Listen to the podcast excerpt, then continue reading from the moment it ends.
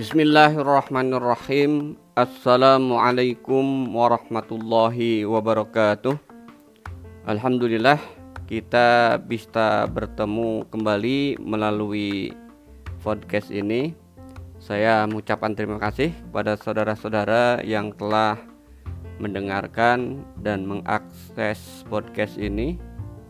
Saya berharap melalui podcast ini saudara-saudara bisa memahami mata kuliah yang akan kita bahas dalam semester ini yaitu mata kuliah akuntansi dan keuangan Islam.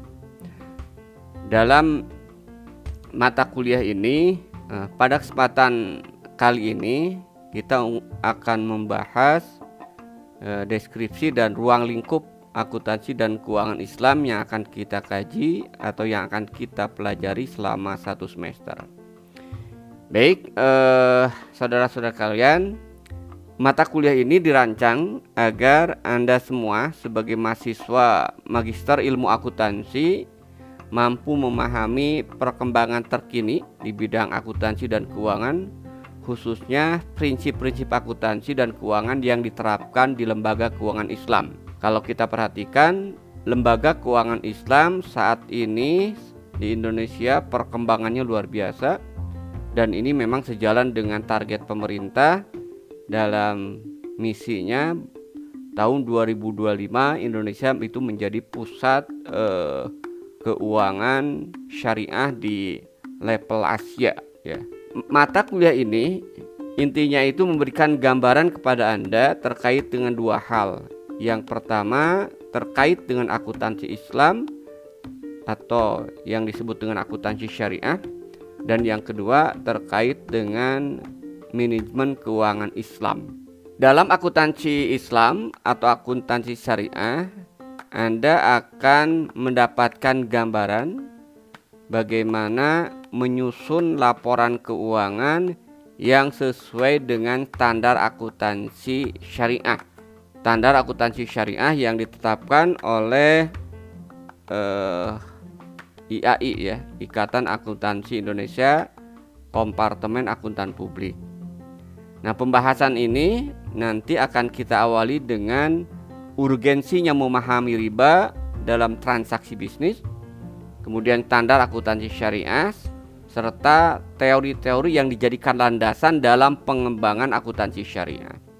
Pada bagian yang kedua, kita akan membahas eh, manajemen keuangan Islam yang intinya terkait dengan investasi, pembiayaan dan resiko pada perusahaan lembaga keuangan yang menggunakan prinsip syariah, baik yang bergerak di eh, di bank maupun di pasar modal.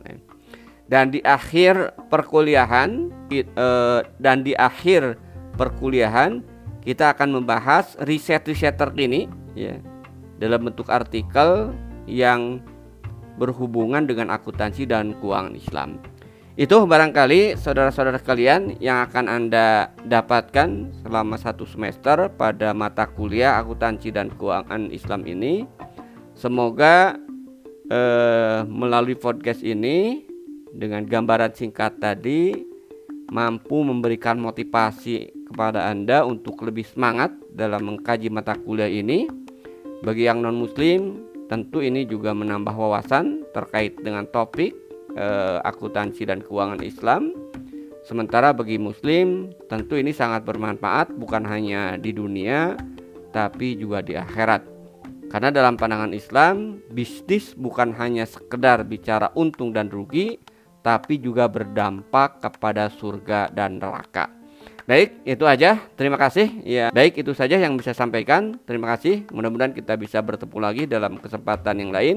Wassalamualaikum warahmatullahi wabarakatuh.